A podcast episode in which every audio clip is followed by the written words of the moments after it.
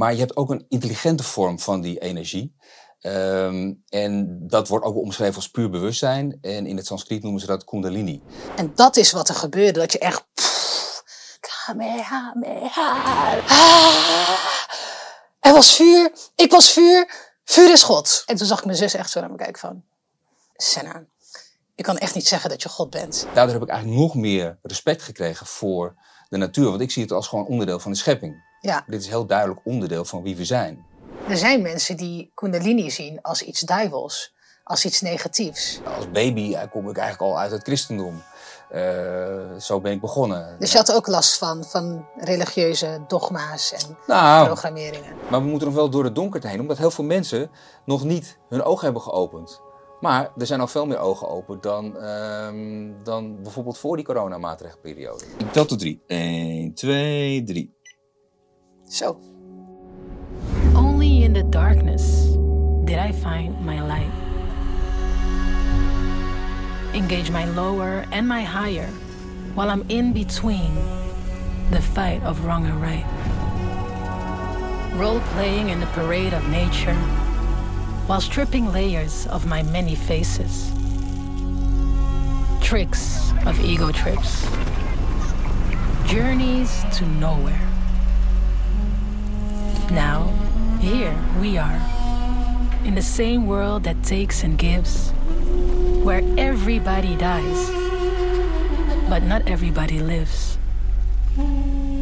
Yes, trauma and stress, but also our greatest powers lie suppressed in feared shadows, just craving to be expressed. Welkom terug. Fijn dat je weer kijkt naar een nieuwe aflevering van Wijsdom. Als je nieuw bent, welkom. Mijn naam is Senna Orsi en eh, vandaag zit ik hier met Daan de Wit, schrijvend journalist. Wij kennen elkaar van Blackbox, waar ik je als gast heb mogen ontvangen. Je bent ondernemer, maar je doet nog heel veel meer. Misschien kan je jezelf even introduceren voor de mensen die jou niet kennen. Mm, ja, mijn naam is Daan de Wit. Ik ben inderdaad journalist. Ik eh, vind het ontzettend leuk om bij Blackbox eh, te staan. Ik sta er de laatste tijd wat minder, omdat ik eh, inderdaad veel bezig ben met eh, hele andere dingen. Eh, wat dat betreft kwam Blackbox eigenlijk voor mij eh 25 jaar te laat. Ik was er toen al mee bezig. Ehm, Ja, jij schreef toen destijds al heel erg over dit soort onderwerpen. Ja, die onderwerpen blijven natuurlijk bestaan. Hè. De geopolitiek van vandaag is bijna nog gekker dan eh 25 jaar geleden. Maar het blijft me fascineren. Dus Ja. ik blijf het ook onderzoeken en ben er eigenlijk dagelijks mee bezig. Maar meer uit interesse. En eh, soms sta ik inderdaad aan de desk en dan staan we er samen. Ja. Ja, vandaag wil ik het vandaag vooral met jou hebben over gezondheid. Kundalini. Ik ga straks uitleggen wat het is voor de mensen die dat nog niet kennen. En je hebt ook iets meegenomen. Daar gaan we het ook uitgebreid dit over gaat hebben. ook over gezondheid. Dat Ja. heeft gewoon een, een fascinatie voor mij. Zie? Heel snel in twee zinnen wat het is. Dit is roodlichttherapie. Dus we komen licht tekort eigenlijk. Zeker nu in de herfst en de winter. Maar eigenlijk altijd wel. En dan ga je voor dit paneel staan. En dan kan je die licht, eigenlijk het beste van de zon. Daarom noem ik het ook het suns best. Kan je binnenhalen. En op die manier kan je werken aan je gezondheid en je cellen opladen. Nice. Mooi. Mocht je nog niet geabonneerd zijn, doe dat dan even. Want ik zie dat heel veel kijkers wel terugkomen. Eh, Maar dat slechts 25% van alle kijkers geabonneerd is. Dus ga even naar het knopje subscribe, abonneer, rechts onderaan dit scherm. En klik op abonneer. Daan, ehm, jij houdt je heel veel bezig met gezondheid. In eerste instantie had ik je uitgenodigd om te praten over vegetarisch zijn, vlees eten. Want jij was, eh, of jij hebt een heel groot, grote rol gespeeld in mijn eh, bekering terug naar vlees eten. Na acht jaar vegetarisch te zijn geweest. Ehm, maar dat onderwerp, dat bespreek ik een volgende keer met iemand anders. Want jij kwam ineens met intelligentie eh, in de natuur en in planten. En daaruit, vanuit daaruit kwamen we bij Kundalini. Dus daar zou ik het heel graag vandaag met jou over willen hebben. Oké, oké, leuk. Maar hoe, Eh, e- even eerst hoe dat bij jou is ontstaan. Kijk, ik heb op een gegeven moment eh, door het boek Weet wat je eet, die ondertitel die is een soort, ehm, een soort leidmotief in mijn leven geworden. Het is gezond eten op basis van de oudste kennis en de nieuwste wetenschap. En dat is jouw boek. Ja, weet wat je eet. En eh, nu ben ik bijvoorbeeld bezig met eh, gezond wonen. Dus dat is wonen in hout. Dus ik wil eh, nu houten huis op de markt gaan brengen. En toen die ondertitel van die website hetidealehuis.nl is ook gezond wonen op basis van de oudste kennis en de nieuwste wetenschap. Want het zijn computergestuurde houtfabrieken, maar die kennis is oude kennis uit Duitsland en Oostenrijk. die wij in Nederland helemaal niet meer kennen. En die wil ik gaan introduceren en zelfs nog verbeteren. Dus dat komt de hele tijd terug. Dus ik heb ontzettend veel respect voor de natuur. Ik vind het ook fantastisch hoe ons menselijk lichaam in elkaar zit. Iedere keer verbaas ik me er weer Mm. over. Verbaas me andersom ook dat wij denken eh, er nog wel even aan te gaan kunnen zitten knutselen. Zoals bijvoorbeeld met mRNA. Ja, Het is ja. eigenlijk alsof je een enorm ingewikkelde klok openmaakt. Die heb je ergens gevonden. En je denkt, oh, dat radertje kan er wel uit. En dat eh, veertje kan er wel uit. En dit kan erin. En dat kan erin en dan komt het wel goed. Ja. Het is een heel, eh, dat, dat getuigt van heel weinig respect. Ik heb juist heel veel respect. En op die manier eh, ben ik veel bezig met de natuur en gezondheid. En dat heeft ook allemaal met elkaar te maken. Zo ben ik die boeken gaan schrijven. Na Weet wat je eet kwam de cholesterolmythe. En tussendoor als privépersoon ben ik me heel erg gaan interesseren ook in geestelijke gezondheid. En kwam op die manier uit bij zaken zoals ayahuasca. En uiteindelijk ook bij Kundalini, waar ik nog nooit van gehoord had toen. Ja, ja. Even voor de mensen die Kundalini inderdaad niet kennen. Hoe zou je dat omschrijven? Kijk, je hebt, wij leven nu op basis van energie. Ja. Dat is het verschil tussen een levend en een dood mens. En die energie die heeft allerlei namen in allerlei culturen. Chi, Ki, Prana, China, Chi. Eh, maar je hebt ook een intelligente vorm van die energie. Ehm, en dat wordt ook omschreven als puur bewustzijn. En in het Sanskriet noemen ze dat Kundalini. Dus we leven van gewone energie en dat vinden we allemaal heel normaal. Maar wat ook kan, is dat er een soort spirituele puberteit ontstaat bij iemand. En dat kan eh, ergens in zijn leven gebeuren, maar ik geloof er wel in, in, misschien in een volgend leven als je daar aan toe bent. En dan eh flipt die kundalini aan en de fysieke elementen liggen daar al voor klaar. Onderaan je stuitje, eh, Mhm. zeggen ze dan, eh, zit daar de mogelijkheid voor. Daar voelen mensen het ook als het begint. Ja, het onderste schakeltje van je ruggengraat. Ja. En als het aangaat, dan kan dat een ontploffing betekenen. Het kan ook eh, op een verkeerde manier aangaan. Als daar een prik komt bijvoorbeeld, heb ik eh, boeken over gelezen van mensen die werden half gek. Omdat ze een prik kregen en die kundalini ging in één keer aan. Ja. En dat is een soort atoombom aan ja, energie. Ja, Heb jij ook een beetje begrepen, dacht ik. ja ik, ik heb ook een Kundalini-ervaring gehad in 2015. Daar ga ik zo over vertellen. Ehm, eerst even voor de mensen die denken, ah, energie, energie. En, en weet je, dat misschien een beetje eh, zweverig vinden. Alles is energie. Onze emoties zijn energie, energy in motion. Eh, onze gedachten zijn energie. De handelingen, eigenlijk is alles energie. Op het moment dat ik dit aanraak, er is eerst een elektrisch signaaltje naar mijn hersens gegaan en weer terug voordat ik die handeling heb uitgevoerd. Dus ja, we zijn gewoon, eh, eigenlijk ook wat jij zei, intelligentie, een, soort van machine, eh super intelligente machine. En ja, dat, dat, dat draait op energie. Eh, Kundalini, eh, dat, dat, ik, ik, jaren geleden toen ik yoga deed, toen deed ik Kundalini yoga. Eh, maar ik wist niet zo goed waar ik aan begon. En de Kundalini ontwakening die ik heb gehad, dat wist ik dan achteraf dat dat, dat, dat dan is wat, wat er was gebeurd. Mm. Ehm, dat was in 2015 en het was spontaan. Dus ik was er helemaal niet op voorbereid. Ik had geen idee wat me overkwam. En eh, ik stond eigenlijk, ik was niet heel veel bezig met spiritualiteit. Dus voor mij was dat een hele verwarrende periode.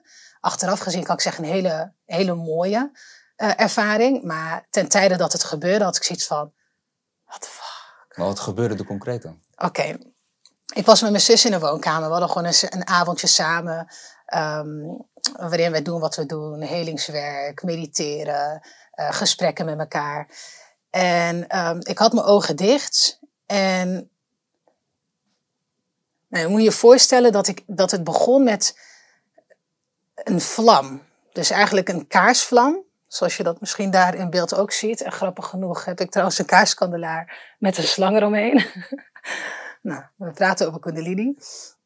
Het begon met een vlam die ik zag, maar die vlam werd ineens heel groot, echt een explosie. Mm. Um, en het, het, het, gevoel was alsof je in vuur en vlam staat. Dus alsof jij de vlam bent. En alsof je zeg maar in het midden aan de top van een vulkaan staat en die barst. En alle lava die consumeert de hele berg. En jij zit in het midden van die berg. Dus je wordt volledig geconsumeerd door, nou ja, in mijn menselijke beleving kan ik dat dan het beste omschrijven als vuur. En nou, het begon dus heel klein en boem, het werd heel groot. En het was zo heftig en ik, ik, ik schreeuwde dus. En ik kwam schreeuwend uit die ervaring. En ik schreeuwde, ah, er was vuur, ik was vuur, vuur is God. En ik deed mijn ogen open en ik, what the fuck? En toen zag ik mijn zus echt zo naar me kijken van... En ik had zoiets van, oké, okay, onthoud gewoon wat je hebt gezegd. En ik zeg echt heel verwarrend, er was vuur, ik was vuur, vuur is God. En ze zegt, Senna, ik kan echt niet zeggen dat je God bent. En dan werd ik dus weer even teruggetrokken naar deze realiteit. En denk, onthoud gewoon wat je hebt gezegd. Je weet wat je hebt gevoeld. Het gevoel was heel uh, profound, heel diepgaand, impactvol. En ik was natuurlijk ook, net zoals mijn zus, best wel um, uh, geprogrammeerd met dat je bepaalde dingen niet kan zeggen of een bepaalde afstand. Ik ben religieus opgevoed, een bepaalde afstand naar God. Mm. alsof dat ergens daar is en ik ben hier. Mm. Dus uh, die ervaring, it didn't make sense. Ik had echt zoiets van, ik weet ook niet wat dit betekent. En ik heb na die dag, dus ik werd wakker. En toen heb ik drie weken lang mensen niet in hun gezicht kunnen aankijken. Dus er was een, een paarse vlek in het gezicht. Alsof je zeg maar te lang naar de zon hebt gekeken en je mm. probeert naar iemand te kijken en heb je een gele vlek. Nu had ik een paarse vlek. Dat had ik drie weken lang. Ik had echt zoiets van, wat de fuck is dit? Is er iets met mijn ogen gebeurd? Um, was het niet eng? Het was heel eng. Hm. Daarom zeg ik, het was heel eng, het was heel verwarrend. Ik had ook niet echt mensen om me heen met wie ik hierover kon praten. Um, en na die uh, na explosie, na die kundalini-ontwakening, uh, werkte heel mijn systeem anders. Ineens had ik toegang tot meer informatie. En dat is ook heel verwarrend. Uh, dus als ik bijvoorbeeld een boom zag, zag ik niet alleen de takken en de vertakkingen, maar in mijn mind's eye werd die hele boom afgemaakt. Dus ik zag ook de wortels. Mm. En ik zag dus dat wat ik aan de bovenkant van de aarde zag, dat dat ook aan de onderkant van de aarde zit. Um, ineens kon ik mensen hun gedachten lezen. Dus als ik iemand tegenover me had en dan merkte ik bijvoorbeeld van, oh, ik heb een gedachte, ik heb honger. En ik, ja, maar ik heb helemaal geen honger. Ik heb een half uur geleden nog gegeten. En dan zegt die persoon, ja, ik uh, ga even wat te eten halen, want ik heb trek. En dan dacht ik, oh shit, dat ben jij. Dat was jij. Dus ik had toegang tot veel meer informatie en dat was heel verwarrend, want ik dacht van, ik word gek. Dit is niet normaal. Uh, ik kende deze vorm van spiritualiteit niet, want ik ben religieus opgevoed, dus ik had een definitie of een beleving bij spiritualiteit. Dus ja, het was voor mij heel verwarrend. Ik kon er niet met veel mensen over praten, maar achteraf gezien, oh ja, dus toen werd ik op een zaterdagochtend, het was ongeveer na drie weken, uh, werd ik wakker van een droom. En in die droom zag ik een maan en ik voelde me heel erg verbonden met die maan. En ineens, en ik was helemaal amazed. Ik dacht, wow, die maan. En, en maar dat is toch, uh, dat is toch een uiting van God. Dat is ook iets wat erbij kwam. Dat ik in die drie weken ineens overal God in zag. In alles. Zelfs in poep. Dus dat ik dacht van, hè, poep, dat bemeste aarde. En uit aarde komt dan eten en dat eet ik en dat poep je weer uit van wat een intelligentie. dus overal zag ik het goddelijke in. in. In het mooiste en in de minder mooie dingen, zeg maar. Um, en toen werd ik dus wakker van een droom waarbij ik dus een maan zag en een tweede maan en een derde maan. En die schoven allemaal naar het midden en dat werd één maan. En ik werd wakker met een stem en het zei, Google, precies wat je hebt gezegd drie weken geleden, die avond dat je met je zus was. Gewoon precies in die woorden. En dat ben ik gaan doen. Ik ben het vuur, of ik zag vuur, ik, ik, ben het vuur, vuur is God. En toen kwam ik uit op een documentaire hmm. um, uit het Hindoeïsme over de origin story, dus de cre story, creaties, uh, het, het, verhaal van creatie. Nou, ik klik erop, voelde er niet zoveel bij. Ik klik verder naar een tweede documentaire, ook vanuit het Hindoeïsme uh, voelde ik ook van nou, doorklikken. En dan kwam ik op de derde uh, documentaire uit. En dat was echt een super oude documentaire met hele oude animaties die heel langdradig zijn. En alles duurde heel lang. Maar het begon dus met de Void. En dan legden ze dus uit hoe eigenlijk allemaal elementen, dus vuur, water, hoe dat allemaal samenkwam. maar zij legden daarin uit. En toen kwam dit. En dan kreeg je zo. En dan zag je zeg maar een cirkel, een eerste cirkel. En dat was dan een element. En, dan zei ze, en toen kwam er dat. En zag je een tweede cirkel. En daarna zag je een derde cirkel. En ik zag gewoon mijn droom, mm. zag ik ineens ontvouwen mm. op een YouTube filmpje. En die kwamen zo ineens zo bij elkaar. Zo, oh. what the fuck? Maak ik dit echt mee? Ik word gek. Hoe kan dit? Dus het was heel verwarrend. Uh, ik lach er nu om. Ik praat er makkelijk ja, ik over. Dat je nog wat doet, hè? Ja, het was echt heel verwarrend. Want je hebt op een gegeven moment zoiets van: je ziet dingen in je dromen of in je hoofd en ineens komt het uit. ja, het was. Um, het was een, een, een periode van verwarring. Dus ik kan me voorstellen dat, net zoals ik, mensen die dat dan ervaren, dat ze echt even ontregeld zijn. Um, misschien niet zo snel naar hun werk gaan. Dat, het, dat ze er echt mee overladen worden. Hoe was jouw ervaring? Uh, nou, ik hoor dat ook hoor. Uh, en, en, moet je nagaan hoe dat vroeger misschien geweest zal zijn. Hè? Misschien werd van sommige mensen wel gedacht dat ze een epileptische aanval hadden of zo. Um, het is echt, eh, wat ik al zeg, een soort spirituele puberteit, zoals wordt het omschreven. Uh, ik geloof Lawrence Edwards heeft het zo omschreven in even zijn boek. Um, en uh, de korte versie van mijn verhaal is ook in 2015. Want als je het oh. eenmaal meemaakt, dan vergeet je het nooit meer. Bij mij oktober 2015. Um, ehm, ik had een soort vraag voor ayahuasca. Ik had er nog helemaal eigenlijk geen ervaring mee. Maar ik voelde een soort van voortdurende spanning op mijn borst. Dus een soort fysieke vraag. En bij die ayahuasca wist ik van iedereen die ziet allerlei waanzinnige beelden. Dus ik zat te wachten op de beelden eigenlijk onder mijn slaapmasker op mijn matje. En uh, ineens begon mijn lijf te bewegen. En dat begon mm. op een gegeven moment zo hard te bewegen dat ik regelmatig van het matje afviel. En dan moest ik mezelf weer op tillen. Want ik ging heen en weer en op en neer tegelijk. Ik werd helemaal door elkaar geschud. En zo heb ik dat nog een paar keer gedaan. Met sessies daarna, want dat duurde echt wel acht uur lang. Dus ik werd helemaal door elkaar geschud. En later uh, tot mijn totale verbazing, maar wel binnen de context van een shamaan die echt wist waar hij mee bezig was. En ook met je mee kon kijken. Mm. En je echt kon begeleiden en niet je een klopje op de schouder gaf. Want fysiek, ja, het, zit allemaal uh, niet aan de buitenkant, maar aan de binnenkant. Maar deze man en zijn vrouw die konden meekijken. Um, en toen in één keer gingen mijn handen allerlei bewegingen maken. Maar heel specifieke uh, bewegingen. Echt uh, eigenlijk zo sierlijk dat ik me als man ervoor schaamde. Maar het was verder in het donker, dus het maakte niet zoveel uit. Um, en dat is zo verder doorgegaan. Uh, waarbij allerlei bewegingen werden gedaan. Er, werd, er werden een soort van draden uit mijn lijf getrokken, maar ook uit mijn voorhoofd en, en boven uit mijn hoofd. Ja. En ik maakte heel ingewikkelde combinaties van, van handen, handen in elkaar, benen in elkaar. Het was echt te ingewikkeld. Echt honderden van dat soort bewegingen. Pure yoga. Nou, daarom denk ik ook, uh, want ik heb je een verhaal gestuurd, dat is nog een, een concept, uh, heb ik nog niet verkocht, maar daar, daar, koppel ik eigenlijk de yoga aan, het onderwerp Kundalini, omdat yoga eigenlijk gaat over de zoektocht naar Kundalini. Juist, ja. Um, waarbij ik dus voor mij tot de conclusie ben gekomen, maar merkte dat andere mensen dat ook uh, deden, zoals Igor Kuvayev, kun je op YouTube opzoeken, die denkt dat ook, dat yoga is niet zozeer ehm, eh, ontworpen als wel nagetekend van mensen die dat spontaan doen. Ik heb ook mensen gesproken die spontaan in yoga houdingen schoten. Um, en ik heb dan uh, geen spontane yoga houdingen, maar wel die spontane, ja, dat wordt dan mudra's genoemd, handbewegingen en ook armbewegingen, maar ook de adem verandert. Juist, dus je hebt dan met yoga wel eens geleerd de fire breath, maar dat doe je dan spontaan. En je hoofd draait en je adem verandert en je, je, je mond gaat open en, en je, je stoot geluiden uit. De gekste dingen gebeuren. Maar omdat ik uh, het had meegemaakt in de context van die shamaan, wist ik het is oké. Okay. En het enige wat ik moet doen is het faciliteren.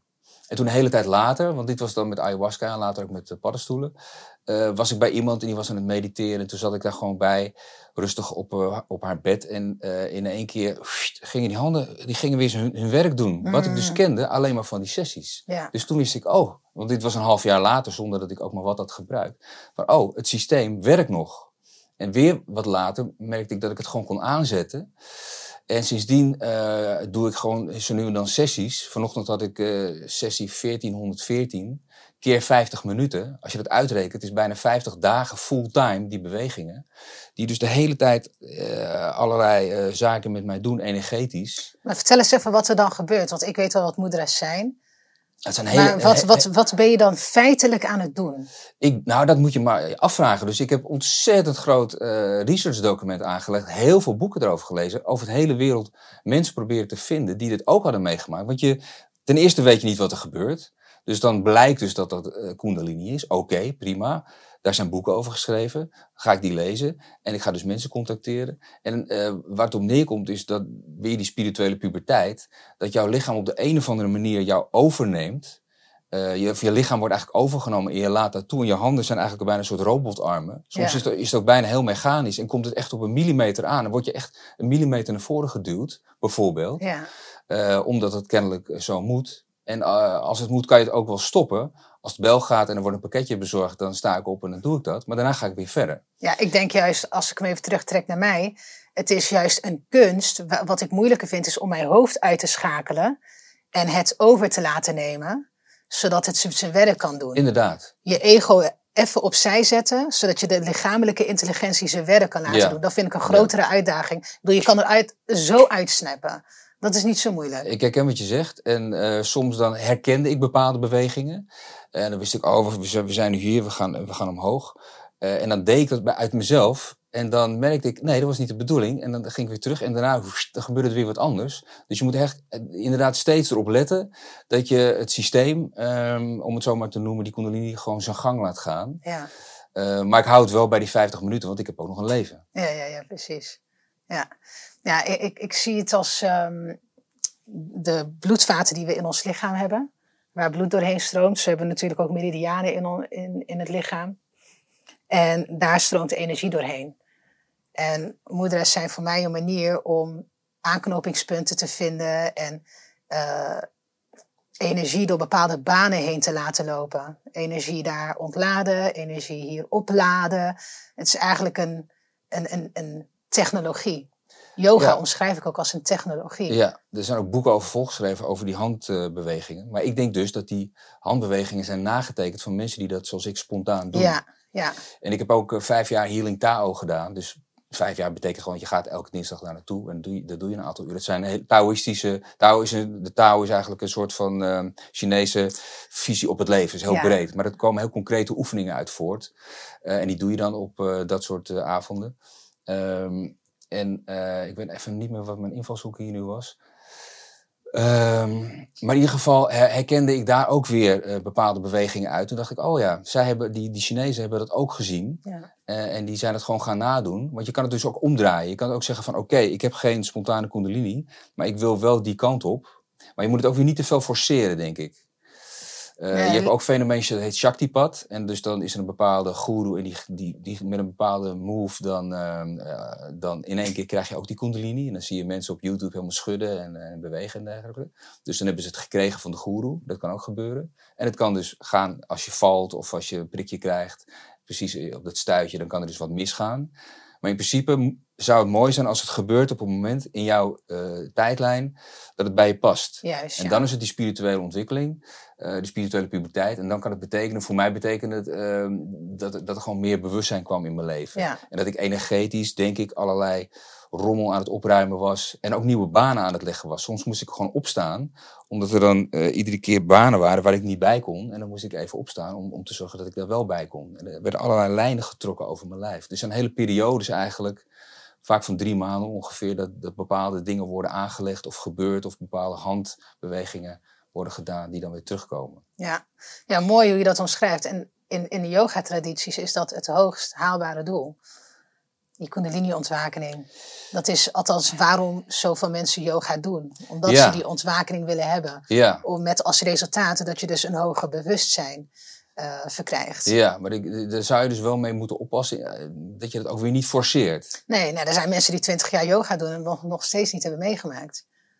Ja, Ik denk ook dat het komt wanneer je het ehm, mag ontvangen. idealiter, ja. Ja, Ja, en, Ja. en er zijn dus wel boeken over, ze noemen het Kundalini. eh, nee, er is een soort term en dan dat, dat mensen in problemen raken of zo. Dus dat Mm, gebeurt ook ja, wel. Ja, Want het is echt een atoombom. Hè? Dus eh, toen het bij mij begon, tot mijn totale verbazing. Want ik zat te wachten op de hoofdfilm van al die eh, dingen die mensen zeggen te zien met die ayahuasca. En toen in één keer begon ik te bewegen. Maar toen kwam er een soort uppercut. Ik weet het nog als de dag van gisteren. Een soort wit licht. Dat echt stotend door mijn ruggengraat naar boven werd gebeukt. Nou, dat was echt, dat was echt geweld. ja. Eh, en op een gegeven moment stond ik echt helemaal achterste, achterover. Maar het was allemaal pijnloos. Hè? Maar het was heel... eh, Ja, maar de ervaring is heel intens. het was bizar ik weet het als ik het hier ook in woorden probeer te grijpen. Dat je echt denkt van, ah, je ziet een vlammetje en er er is ineens vuur. Dat is het niet. Je, want je bent het. Het zit in je. Het, het, is, het, het omvat je. Je zit erin. En de ervaring van est... Dragon Ball Z. Ken je Dragon Ball Z? Mm, van gehoord, ja. Ik heb het niet gekeken. Mijn broer en mijn zus keken het vroeger altijd. Ik vond het toen altijd maar stom. Maar ik kan me nog wel scènes herinneren met Kamehameha. Dan zag je dingen uit de handen komen. Dan zag je zo, eh, weet je, een, ja, een soort van vlam om, om zo'n karakter heen. En dat is wat er gebeurde. Dat je echt, dat je gewoon in vuur en vlam staat. Dat er, Maar die cartoonisten en die, die, eh, ook die superhelden, die kijken heel veel af van de verhalen van vroeger. Hè, als je ook kijkt naar eh, Iron Man bijvoorbeeld, die heeft allerlei energie uit zijn hand. Ja. Maar er zitten ook eh, chakras in je handen waardoor je mensen energie kan geven. Ja. Hè? Eh, dus dat, dat, daar wordt allemaal vanaf gekeken. Klopt. Er kunnen ook ja, bijna super, ja, superkrachten ontstaan. Als, nou ja, alleen al dat je, dat je handen kunnen bewegen. Wie, wie had dat nou gedacht? Ja. Toch? Dat is al bijzonder. Zeker. Kunnen ontstaan door ja, dit soort zaken. En daardoor heb ik eigenlijk nog meer respect gekregen voor de natuur. Want ik zie het als gewoon onderdeel van de schepping. Ja. Dit is heel duidelijk onderdeel van wie we zijn. En het vermogen wat we hebben. Ja, dus ik, ik heb daar diep respect voor. Ik zou hier, hier nu zo kunnen beginnen, want ik kan het aanzetten. Maar dat doe ik niet, omdat ik, omdat ik dat, ja, dat vind ik gewoon niet respectvol. Dus ik doe het thuis. Ehm, en eh, ja, vanochtend zal ik dat ook doen. Ik zie je nou ook zo zitten. Ik denk dat ik ook even, even met je meedoe. Ja. Ja, Jasje uit. ja het is allemaal zo stijf. Weet je, ik doe, dat, ik doe dat altijd bij Blackbox een jasje aan. Ik heb eigenlijk een hekel aan jasjes. Oh, maar kom hier. Eh, ja, dus ik, ik ga ook even kijken of ik, net zoals jij, even gewoon lekker ontspannen zo. Ja, Dan zit, meestal zit ik zo nog weer. kijk. Maar ik zal even kijken hoe lang, heupen. hoe lang ik dat volhoud. Ja. Ik Nou ja, je, mag- zo. je kan gewoon lekker bewegen hier. Ja, het zit eigenlijk best lekker, ja. Goed zo. Maar wat, wat heeft het nou jou gebracht, die ervaring? Eh, Hoe ben je nu een ander mens dan daarvoor? Dat is ook mijn website, hè, andermens.nl. Dat is ook niet voor niks. Ah, grappig. dus ik ben eigenlijk niet voor dat hele transhumanisme. Dit is niet bedacht, hè? Want dat is, eh, dat is, dat is weer typisch tegen de natuur in. En als je dat, die lijn doortrekt, dan zou je kunnen zeggen: natuur is goddelijk en tegen natuur is eigenlijk duivels. En je ziet heel veel duivelse elementen in de huidige maatschappij. Eh, en uiteindelijk leidt dat ook tot echt. Nou, ik kan een heel verhaal vertellen over AI en hoe ik daarover denk. Maar eh, ik maak er ook soms zelf wel gebruik van hoor. Ehm, want ik denk ook, ik ben ook niet anti-techniek. Hè? Ik, eh, ik had een website in, in, in 1999 zelf in elkaar geknutseld. Ik ben juist pro-techniek, maar je moet er wel mee oppassen. En wat het je brengt, ja, het heeft mij denk ik meer bewustzijn gebracht. En ik heb er gewoon heel veel respect voor. En dan denk ik, wie ben ik om dat niet te doen? Dus daarom besteed ik er zoveel tijd aan, maar ook relatief niet veel tijd. Want je kan wel zeggen, bijna 50 dagen sinds 2015 eh, is veel. Maar andere mensen gaan eh, in die periode zoveel dagen naar de sportschool of doen andere dingen. eh, of schilderen, maken mooie schilderijen. Alles kost tijd, het leven kost tijd. Ja. Dus het is wel 50 dagen van mijn leven. Maar ik, ik denk dat het wel goed besteed is, omdat ik denk dat die, die, die, die, die Kundalini-kracht heel bijzonder is. En die wil ik dus de ruimte geven. En, eh, Het is eigenlijk gewoon een dagelijke practice geworden. Dagelijks. ja, ik doe het de laatste tijd wat minder. Maar eh, eerst deed ik het twee keer per dag. Maar het is toch 50 minuten en ik heb nu gewoon heel druk. Maar ehm, vanochtend eh, deed ik het nog en dan vind ik het, eh, ja, dan ben ik iedere keer weer benieuwd. Wat gaat er nu weer gebeuren? Want je weet het niet. Ja. Het is altijd weer een verrassing. Elke seconde is eigenlijk een verrassing. Welke, welke bewegingen er nu komen en hoe ontzettend gedetailleerd ze zijn. Ja. Het is echt heel knap. Heel mooi. Jij noemde zelf hè, het goddelijke en het duivelse. Er zijn mensen die Kundalini zien als iets duivels, als iets negatiefs. Hè, het, het, het, eh, het wordt ook heel vaak gesymboliseerd met een slang. Ja, Hè, eh, in de Indiaanse traditie zegt ze bijvoorbeeld: het is een, eh, een energie dat opgekruld ligt als een slang in het onderste schakeltje van je rug. En dat het dan zo, zo omhoog zou kunnen bewegen. ja, mensen kennen het van de esculaap van de ambulance. Ja, ja maar het, is een symbool van wijsheid. Ehm, maar hoe kijk je daarnaar? Ja, ik snap het wel, want ik kom heel diep uit het christendom. Want ik ben eh, als baby eh, kom ik eigenlijk al uit het christendom. Eh, zo ben ik begonnen. Dus je had ook last van, van religieuze dogma's en nou, programmeringen. eh, ik, ik heb, was sowieso mijn eerste researchproject eh, was de Bijbel.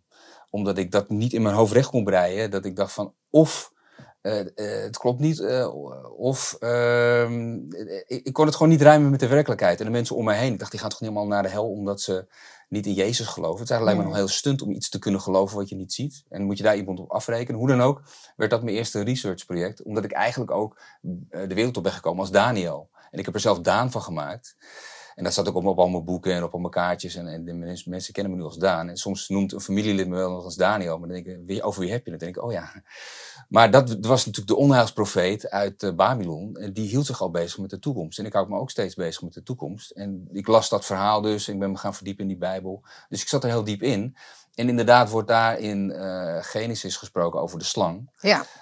Um, maar, uh, en hier wordt er gesproken om die slang, omdat inderdaad die, die, ik had het net al over die bewegingen. Die bewegingen zijn heel, heel draaierig.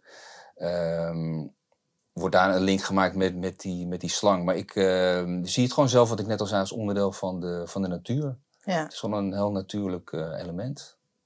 Ja, ik denk ook dat alles um, in ons zit. Dus zowel het goddelijke als um, de andere kant. Zeggen, geef het een naam zoals je het zou willen benoemen.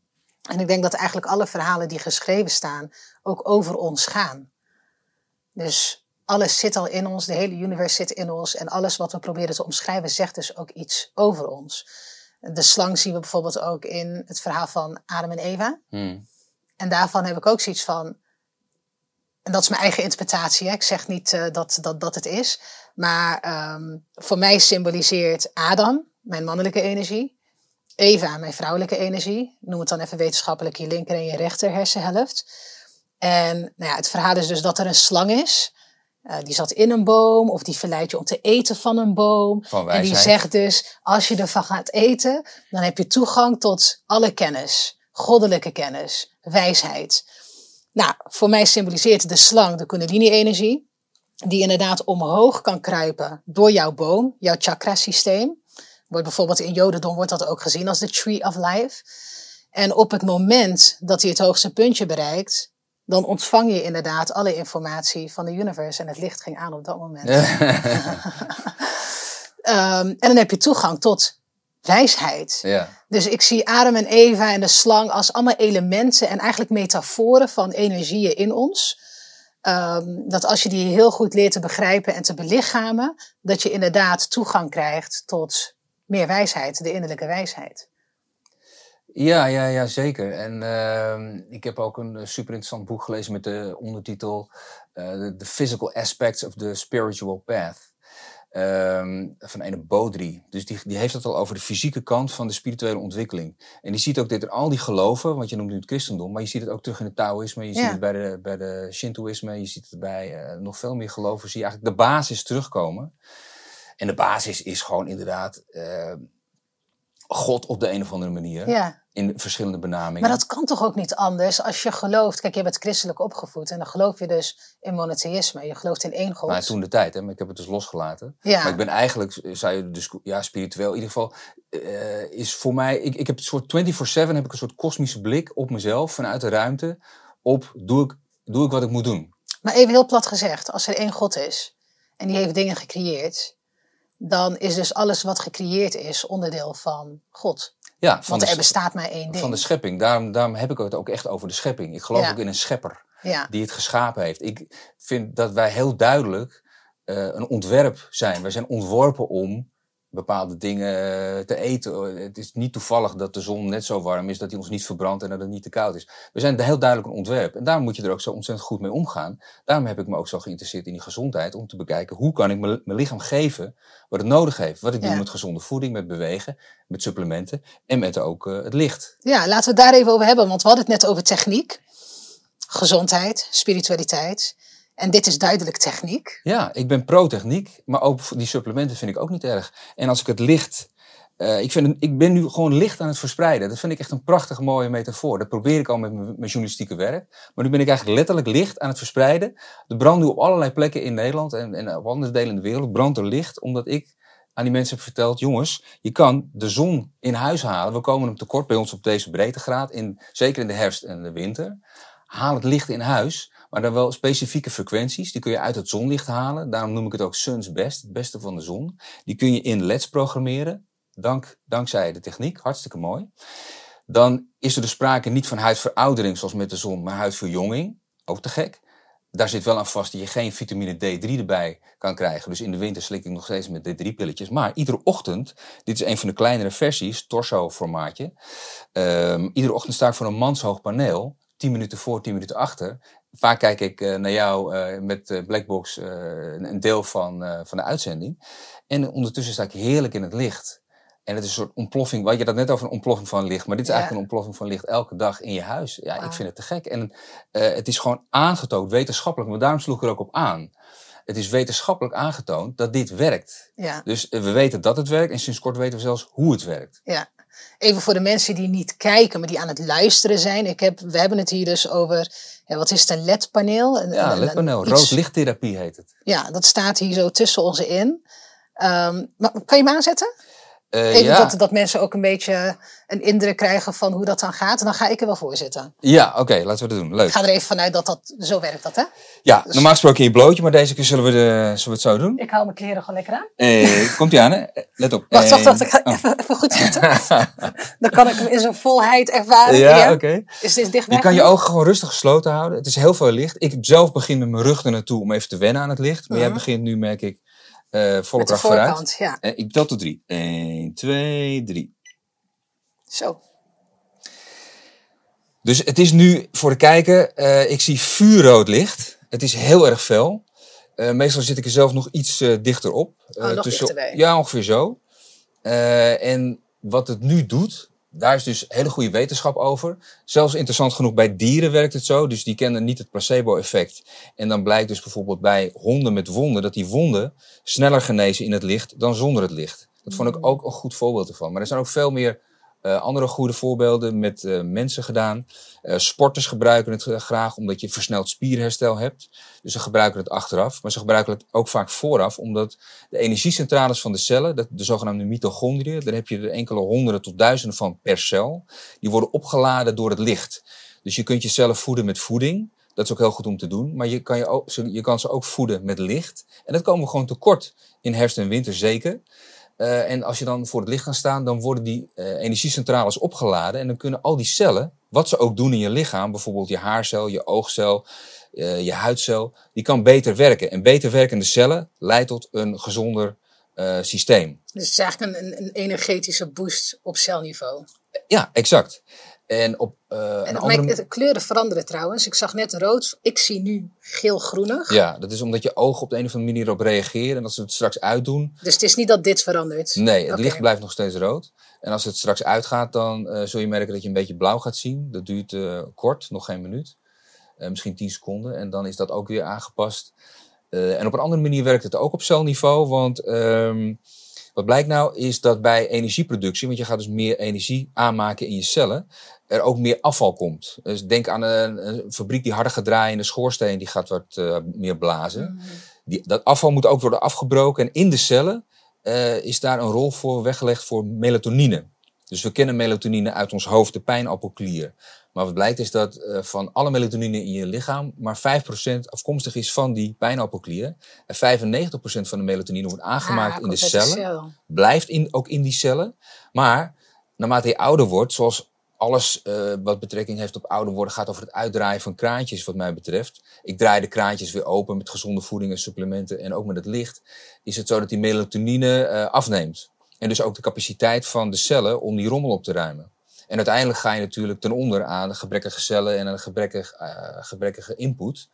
Dus dat kan je weer omdraaien door in de licht te gaan staan, waardoor eh er meer melatonine wordt aangemaakt en dus ook die rommel kan worden opgeruimd. Nice. Nou, en hier is heel veel wetenschappelijk onderzoek over en elke dag komt er nog weer bij. En anders had ik er ook nooit achter kunnen staan. En uiteindelijk heb ik dus eh, een ideaal paneel willen samenstellen. Dat heb ik ook gedaan. Toen had ik er eentje, helemaal volgens mijn specificaties, met ook de juiste frequenties erin en de juiste lichtsterkte.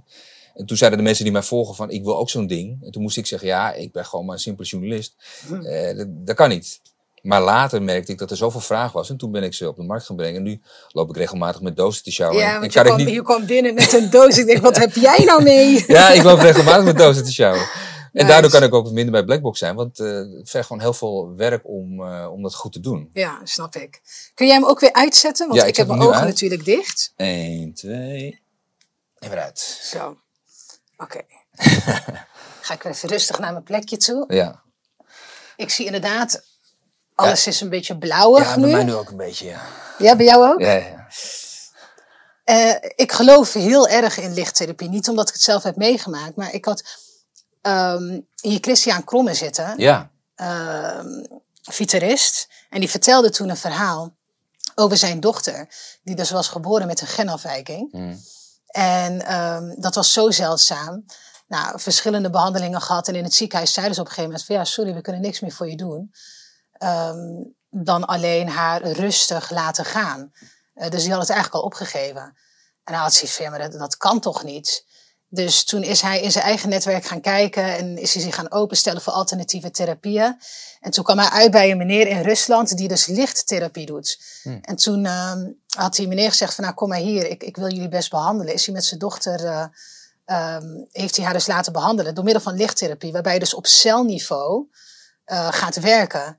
En ze hadden dus de intensive care naar huis gehaald. Dus zij zat aan bedrading, ze kreeg voeding via eh, allerlei dingetjes. Ehm, en na, wat was het, een aantal weken, ik heb het in de podcast staan, dus als je het, het verhaal wil zien, dan kan je even terugluisteren. Maar na een aantal maanden, volgens mij was het drie maanden of zo, begon dat kind zelf eh, alle bedradingen uit haar lichaam te trekken. En eh, ze is nu 12 of 13 jaar en ze is kerngezond. Wauw. Geweldig. Kan je je dat voorstellen? Ik, ik, ik zit dan alleen te denken, als je had geluisterd naar ziekenhuispersoneel op dat moment, dan had je geen dochter meer.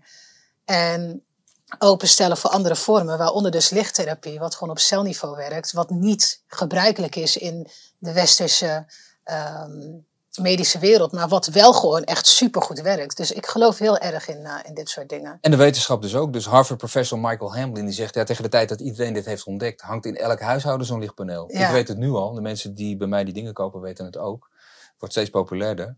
Dus ik denk dat het een van de goede dingen is om te doen. Dus je moet het allemaal doen. Ja. Je moet ook in therapie gaan om te zorgen dat je geestelijk gezond wordt. Goede supplementen kiezen, gezond eten. Goed eten. eh, eh, zorgen dat je goed slaapt. Al die dingen. Het is allemaal belangrijk. En als je dat op een ontspannen manier doet... dan kan je eigenlijk, eh, naarmate je ouder wordt... verjongen, bij wijze van Ja. spreken. Ik heb nu weer alle kleuren terug. Ja, ja, ja. Net was het blauw en nu begint het weer. En oh ja, ik zie weer paarslicht Ja, ja. en dat is weer oranje. Oké, dus eh, mijn eh, normale visie is weer terug. Gelukkig. Dit doe je dus iedere dag. Ja, Dit is dus een vorm voor jou waarbij je werkt aan jouw gezondheid. Eh, op welke manieren doe je dat nog meer? Ehm, Wat zijn nou echt hele belangrijke methodes? Of ja, kijk, sowieso is voeding natuurlijk heel belangrijk. Dus eh, aan het weten wat je eetboek heb ik uiteindelijk twee jaar moeten werken, omdat het heel ingewikkeld was, het onderwerp. Er zitten ook 40 pagina's met voetnoten bij. Daarna nog een boek geschreven voor de cholesterolmythe, ook weer twee jaar aan gewerkt. Klein gratis boekje, de supervitamines, kunnen mensen online vinden bij andermens.nl. Dus het heeft heel veel even, eh, tijd nodig om dat te begrijpen. En uiteindelijk pik je daar de meest interessante dingen uit. Dus ik let goed op mijn voeding, maar op een leuke en lekkere manier. Dus ik eet lekker, want je kan ook weer vet eten. Want verzadigde vetten blijken heel gezond te zijn, bijvoorbeeld. Eh, je moet wel oppassen met suiker, maar dat, dat wisten we natuurlijk al lang. Ehm, dus voeding is belangrijk op een leuke manier. Ehm, supplementen vind ik eh, belangrijk om die eh, aan te vullen, omdat ik dus merk of heb gemerkt dat oud worden gaat over het uitdraaien van allerlei kraantjes. Twee voorbeelden zijn bijvoorbeeld eh, Q10, hartgezond eh, s- mm, stofje in je lichaam, maakt je lichaam zelf aan. Maar naarmate je 60 bent, is dat, eh, wordt het nog maar aangemaakt voor 50%, voor de helft vergeleken met toen je 25 was. Dus vanaf je 25 gaat alles met een schuinstreep naar beneden. Eh, bijvoorbeeld ook collageen. Oh, daarom voel ik dat zo. Maar bijvoorbeeld ook collageen, wat je huid goed houdt en je, en je botten en je gewrichten goed houdt. eh, dat is ook nog maar voor de helft aanwezig in je systeem. Daarom krijgen oude mensen natuurlijk ook slappe huid. ja. Dan toen je 25 was. Dus ik zorg dat ik dat collageenlevel hoog hou. En ook zorg dat ik mijn Q10 hoog hou. Bijvoorbeeld, hè, maar dus zo doe ik nog een aantal, aan- aantal andere dingen.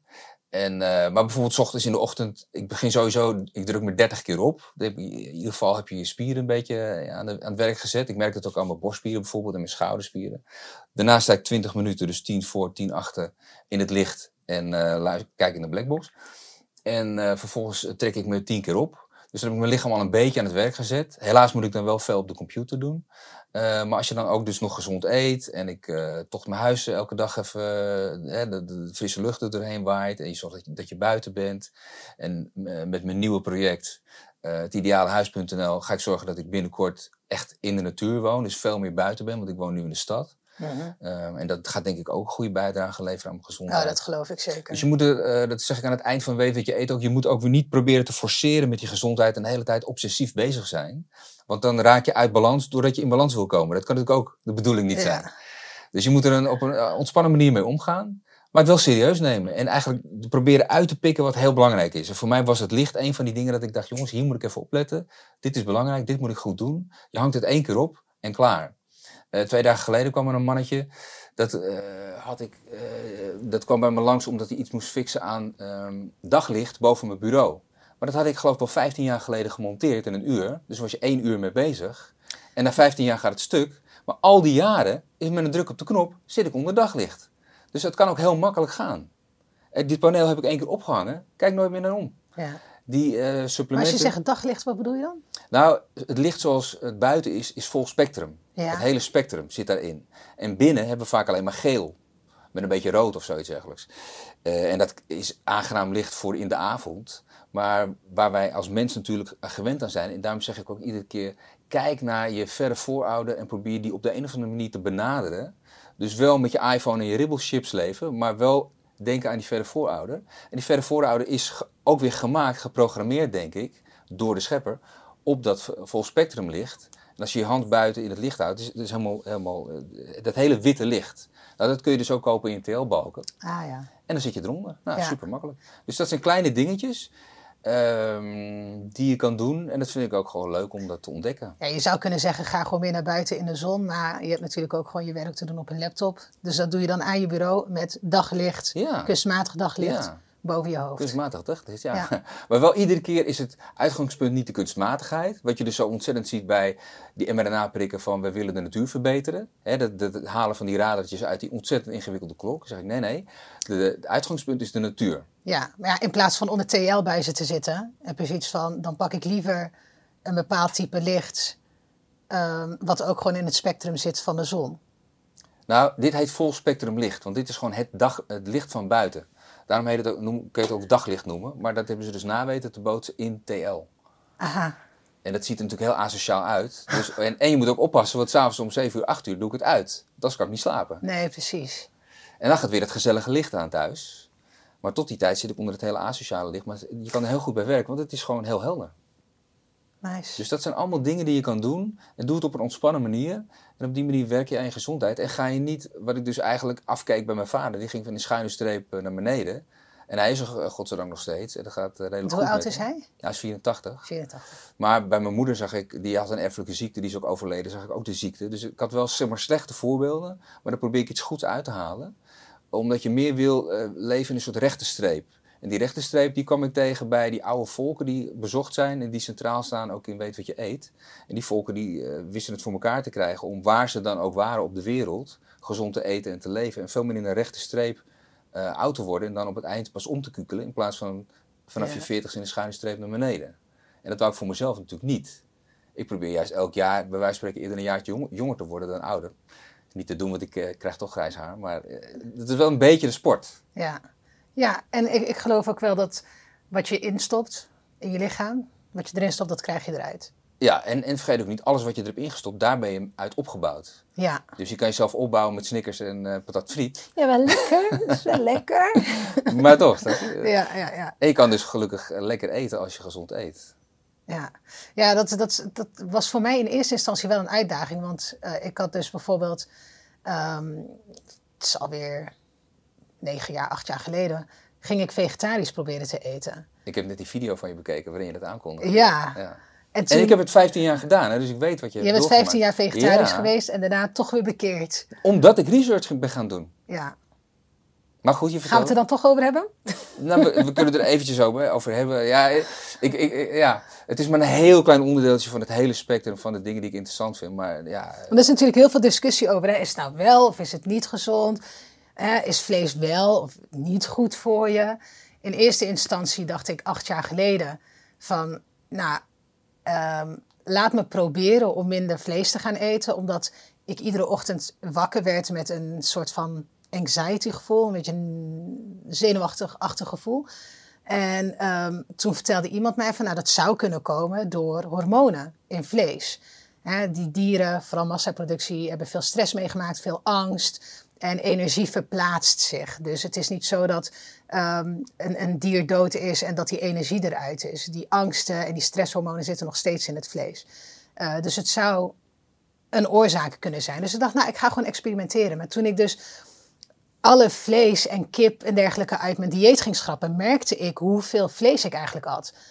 Uh, bizar. Dus ik begon bijvoorbeeld met eitjes of met een broodje kipfilet. En in de middag had ik uh, misschien wat rijst met ehm, een, een biefstukje of hè, een, een, kotletje. Of, weet je, het, ik at best wel veel dieren op een dag.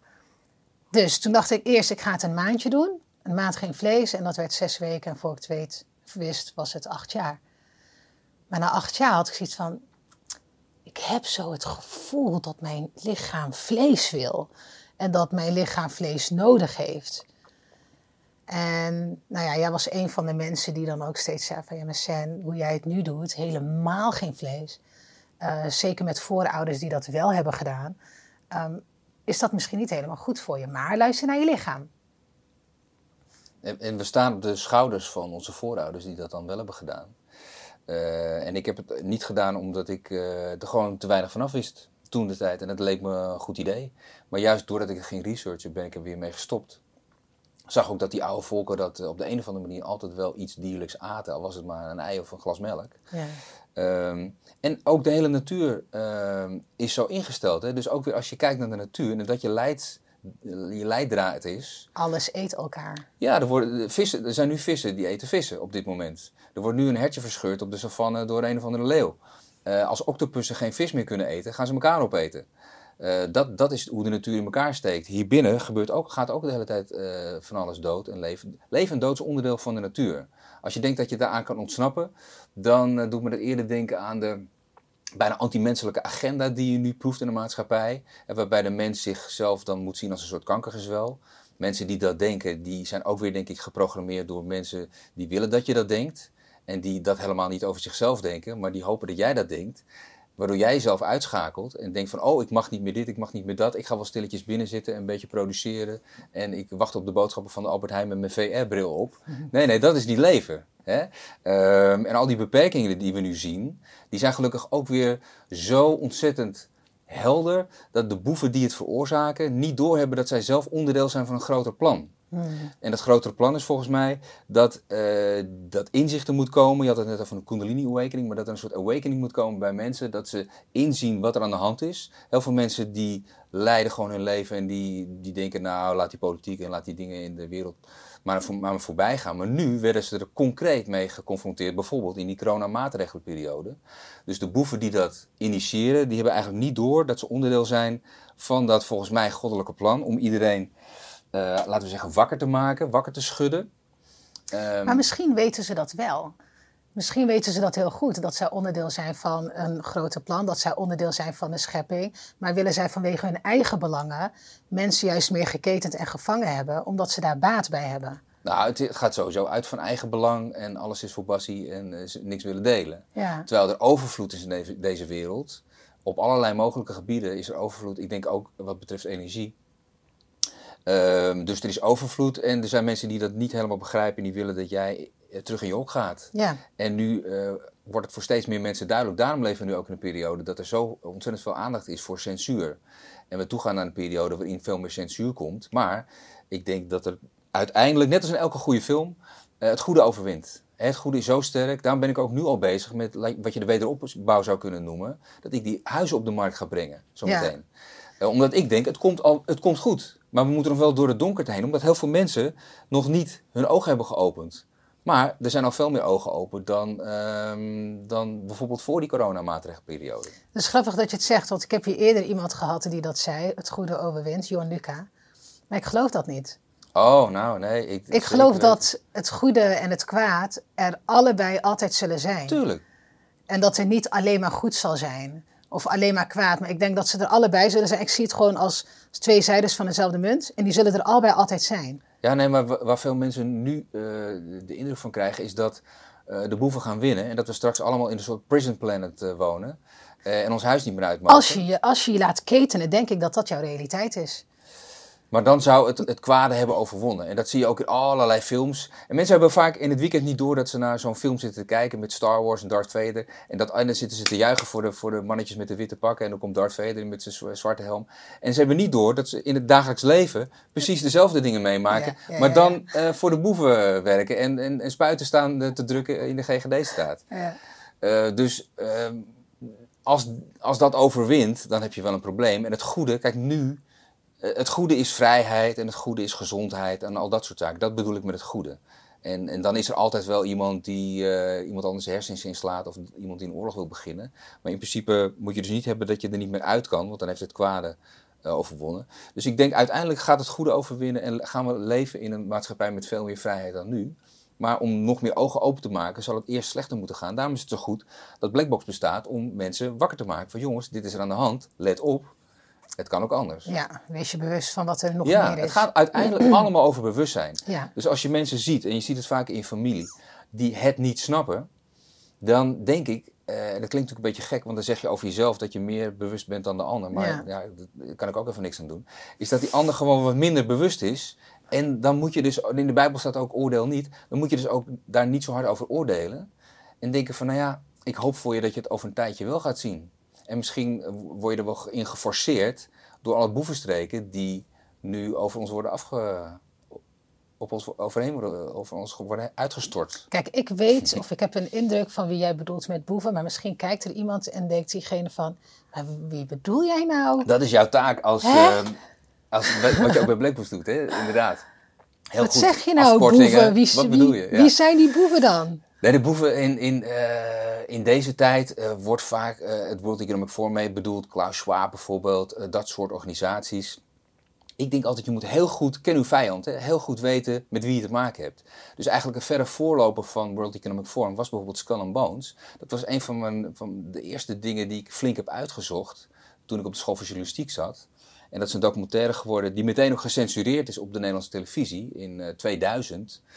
Ehm, en eh, dat ging over dat geheime Amerikaanse genootschap waar ook een aantal presidenten uit zijn gekomen. Het was een heel exclusief genootschap, bestaat nog steeds. Er zijn maar eh 800 levende leden altijd. Een heel klein genootschapje, maar met ontzettend veel invloed. En bijvoorbeeld eh, George Bush, maar ook George W. Bush zat erin. John Kerry, die nu zo actief is met het klimaat, eh, is een bonesman. Maar dat zijn mensen die denken van, weet je wat, wij zijn de elite. En wij eh, gaan zorgen dat eh, jij doet wat wij zeggen, want dat doen we voor jou best wel. Eh, en dan loopt het soms met jou niet goed af, maar in ieder geval bepalen wij hoe het zit. En die attitude, die hele ongelijkmatige attitude, dat zie je dus terug bij het World Economic Forum. Die hebben begrepen dat heel onze maatschappij heel hiërarchisch in elkaar zit. En die hebben begrepen dat als je bovenin eh, op een paar goede strategische plekken mensen neerzet, dan druppelt dat naar beneden. Want die hele piramide is ingesteld op het uitvoeren van orders.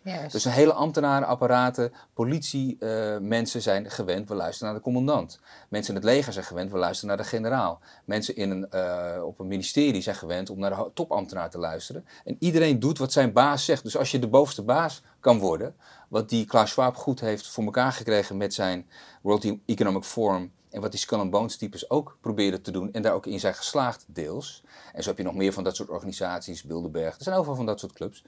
Ehm, dan kan je bovenin wat veranderen en dan druppelt dat naar beneden. En uiteindelijk, ehm, eh, hier in Amsterdam, worden er stickers op de borden van 50 geplakt om te zorgen dat het 30 wordt. En dat hier ook een soort 15-minute city ontstaat. Eh, en wordt het idee wat zij dan bovenin hebben bedacht, gewoon uiteindelijk van theorie eh, praktijk. Nou, dat zijn de boevenstreken waar ik het over heb. Dat gaat uiteindelijk geen stand houden. Ik denk echt dat, net als in elke film, uiteindelijk het goede overwint. En met het goede bedoel ik dan dat je in een maatschappij leeft waarin ruimte is voor eh, expressie, ruimte is voor bewegen. Want mensen willen gewoon eh, brood bakken, fietsen repareren, hun werk doen. En als je dat faciliteert, een overheid hebt die dat faciliteert, eh, dan kan er ontzettend veel moois ontstaan. Heel veel creativiteit. Eh, er is volgens mij energie genoeg om dat allemaal te doen. En dan leef je in een hele mooie maatschappij, maar wel een maatschappij waarin mensen ook mondig zijn. En sommige mensen vinden dat niet zo leuk. Nee, dat is onhandig. Dat is onhandig en, de- en dat wordt nu met het internet zo lastig, omdat iedereen eigenlijk een zender kan zijn als je wil. Met Twitter en op allerlei mogelijke manieren, eh, Instagram. Eh, dan moet dat worden beperkt. Alleen zitten we met het lastige idee dat wij in een democratie leven. Kijk, in China zeggen ze gewoon: jij mag dit niet, jij mag dat niet, want je hebt te weinig punten. Hè, social credit system. Maar bij ons moeten ze dat allemaal met list en bedrog. En dan zit je ook weer in dat duivelse, hè, die omkering. En in plaats van de waarheid wordt het dan de leugen. Eh, zit je weer in die omkering. Ook dat Skull and Bones, dat gaat allemaal over zwart en ja, Skull en Bones. Het gaat allemaal over donkere, duistere rituelen ook. Eh, je, ziet, je kan heel goed kijken. eh, denk ik, is iedereen heel erg goed in staat. Trek maar een streep op, op een papier en zet er boven goed en kwaad en duivel en god, et cetera. Dan kan je alle dingen die je ziet in de maatschappij, kan je er zo heel makkelijk invullen. Iedereen heeft een, volgens mij een haarscherp beeld over wat goed is en niet goed is. Ehm, en daar moet je dus dan wel door die leugens en bedrog heen leren prikken. En nogmaals, daarom vind ik het zo goed dat Blackbox er is en soortgelijke kanalen. Ja. Maar ik vind dat een heel lastig begrip, want je zei van je kan heel duidelijk invullen wat dan goed is of wat slecht is. Ehm, maar ik denk dat dat heel persoonlijk is. Wat goed is voor jou, kan heel slecht zijn voor een ander. Of wat slecht is voor jou, kan heel goed zijn voor een ander. Kijk, bijvoorbeeld, jij moet er niet aan denken om ehm, van 9 tot 5 eh, eh, ergens op een kantoor, kantoor te zitten als ambtenaar en eh, plannen uit te voeren waar jij misschien niet helemaal achter staat. Maar er kan iemand zijn uit, ik zeg maar wat, Oekraïne of Zuid-Afrika of uit Ghana, ehm, die hier terechtkomt en juist baat heeft bij vijf keer per dag werken, computerwerk, geld verdienen op die manier, gezin onderhouden op die manier, die, die, daar heel goed, die daar heel goed op gaat. Ja. En voor hem zou dat dan heel goed zijn. Hmm. Dus is dat dan slecht?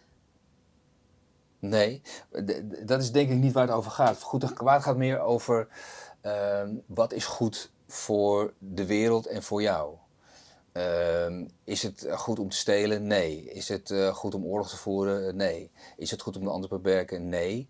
Ehm, en eh, dat kan je tot op het kleinste niveau kan je dat toepassen. Je kan, al- als je op een publiek toilet bent ergens, kan je de boel onderplassen en weglopen. Niemand die het ziet. Maar het is veel leuker om het toilet mooier achter te laten dan, dan je het aantrof. En dan iedere keer te denken, hoe kan ik iets bijdragen aan de wereld? Want dan ondertussen draag je ook iets bij aan jezelf. En als je dat doet, ben je weer een, een mooier mens voor de wereld. Dus goed en kwaad is denk ik wel, als je het op die manier bekijkt, heel eh, helder. Eh, ja. Kijk, bijvoorbeeld iemand vermoorden is niet goed. Nee. Toch? Daar zijn we het allemaal over eens. Maar op het moment dat jij bijvoorbeeld ergens in een... eh, Of ik, ik, ik loop ergens in een steeg, ja. En ehm, ik word ineens aangevallen door twee man. En ehm, ik eh, pak een steen en ik sla op zijn hoofd. Maar je mag jezelf verdedigen. Ja, Dus maar dat- hij, hij, hij, hij is nu dood. Ja, maar in de wet eh, staat dat je je mag verdedigen omdat heel helder is dat zelfs een, een, een, een, een kwade daad, zou ik maar zeggen, eh, on- niet te bestraffen is omdat het uiteindelijk dus binnen de context Ja. te begrijpen is. Dus dan is het geen kwade daad meer. Nee. nee. Ja, dus En- dat- dus je mag jezelf wel verdedigen, maar dat is, dat, is, dat, dat is zo logisch dat het ook in de wet staat. Dus wat is het doel? En ik denk dat daar schuurt het dus heel vaak. Want dan hebben mensen een bepaald doel. Van oké, dit is wat goed voor ons is. Ehm, maar zijn de middelen te betwisten? Of hoe we er naartoe gaan valt te betwisten? Of is er gewoon oneenigheid over de doelstelling? Dus ik vind het heel lastig om, om, om te labelen wat goed of slecht is. Tuurlijk, iedereen heeft een moraal kompas. Maar ook met bepaalde agenda's denk ik van... Misschien zien zij iets wat ik niet zie. Zou kunnen, het is goed om daarvoor open te staan, maar eh, en in ieder geval in dat kompas goed te ontwikkelen. Ehm, dat je wel je intentie is om het goede te doen in Ja. deze wereld. Ja, Altijd. ja. Ja, en dan is mijn intentie gewoon, ik wil ervoor openstaan om in elk geval altijd het goede te zien in, in, in anderen. Ehm, wel wetende dat het kwade er altijd ook is. Ja, het goede te zien in anderen, maar ook beducht te zijn op als je die ander niet goed, niet goed kent, dat eh, die ander misschien wel jou aan het belazeren is. Dus je moet wel oppassen voor eh, het kwade. Dus daarom zeg ik ook altijd, eh, wat ik net zei, van ken uw vijand, probeer altijd goed door de dingen heen te kijken, onderscheid te maken. Ehm, maar net als bij Blackbox eh, wordt daar gelet op negativiteit, omdat het uitgangspunt het goede is. Kijk, die moord waar je het net over had, is de uitzondering op de regel dat je iemand niet vermoordt en dat je het allemaal leuk houdt. Dus daarom staat die moord in de krant. En daarom is die moord een onderwerp bij Blackbox, bij wijze van spreken. Ja, Ehm, dus het uitgangspunt is altijd het goede. En we worden iedere keer belazerd omdat ehm, die leugen en het bedrog nodig is, omdat die boeven iets voor elkaar willen krijgen wat niet goed is. Dus wij moeten dus leren niet alleen om die vijand te kennen, maar ook om door die leugens en dat bedrog heen te kijken. Het Dus daarom was dat, eh, die coronamaatregelenperiode ook zo interessant. Dat er nu nog mensen zijn die dat nu nog niet doorhebben. Dat is ook zo boevig aan bijvoorbeeld de Partij van de Arbeid in de Eerste Kamer. Dus dat zijn senior politici, de achtervang van de Tweede Kamer. Dus we hebben de Tweede Kamer over van alles gedaan. Hebben een systeem bedacht dat als dat daar misgaat, dat er dan nog een achtervang is van hele eh, bijzondere senior politici. Om de fout die daar zijn gemaakt te herstellen. Maar juist die mensen van de Partij van de Arbeid, die dus de arbeid hebben afgenomen van de arbeiders tijdens die coronamaatregelenperiode. Alles wat we daarvan hebben geleerd, daarna nog hebben de pandemiewet aangenomen. Zodat al die boevenstreken, die toen nog niet eh, wet waren, in de wet komen te staan. Ja. Dat is dus echt heel erg slecht. En dat moet je dus wel kunnen doorzien. Dus daarom is het wel belangrijk om scherp te zijn en niet te zeggen: Oh, eh, ik, ik doe er niet aan mee. Nee, ik, ik probeer iedere keer op te letten waar zitten de boeven. Want dit is met eh, gezondheid in je lichaam. Er zijn overal bacteriën. En voor je het weet heb je een vleesetende bacterie te pakken en dan eh, ligt je voet eraf. Dus je moet heel goed opletten dat je goed, goed denkt aan je hygiëne. En eh, goed denkt aan je innerlijke, eh, lichamelijke, geestelijke balans. Want er ligt van alles op de loer. Ja, Ondertussen moet je het leuk houden en, en ontspannen blijven, maar wel scherp zijn. Dus ik denk wel goed om scherp te zijn. ja, nee, daar ben ik het helemaal mee eens. Altijd goed om scherp te zijn. Ja, en, en dat draagt ook bij, denk ik, aan, aan een groeiend bewustzijn. Ja, dus eh, het, is wel, het is een hoop werk, maar je, je kan het doen met een glimlach, denk ik. Ja. Nou, je moet het inderdaad wel leuk houden voor jezelf. Ja. Daan, eh, ik vraag altijd nog aan mijn gasten wat laatste woorden. Oeh. Iets wat je kwijt wil. Iets wat je ons nog mee wil geven. Nou, eh, jeetje, lastig. Ja, ik wist eigenlijk wel dat je dat vroeg, want ik heb natuurlijk al wat video's bekeken. Ehm, nou, een beetje een soort samenvatting van wa- wat ik, eh, waar we het net over hadden. Probeer gewoon steeds het goede te doen, ook op momenten dat niemand kijkt. Ehm, daar word je denk ik zelf een beter mens van en dat straal je Ja. ook weer uit naar Juist op momenten dat niemand kijkt. Probeer gewoon de wereld mooi achter te laten dat je hem aantrof. Dat is denk ik eh, een mooi uitgangspunt voor, voor een leven, voor een mens. Amen. Dankjewel. Superleuk dat je me hebt uitgenodigd. Ja, Dankjewel. superleuk dat je hier wilde Ontzettend veel succes met, met je andere eh, opnames. Dankjewel. Ja, dankjewel. Ehm en jij ook dankjewel voor het kijken. Laat even weten wat je ervan vond. En vergeet niet om je te abonneren. En graag tot de volgende keer.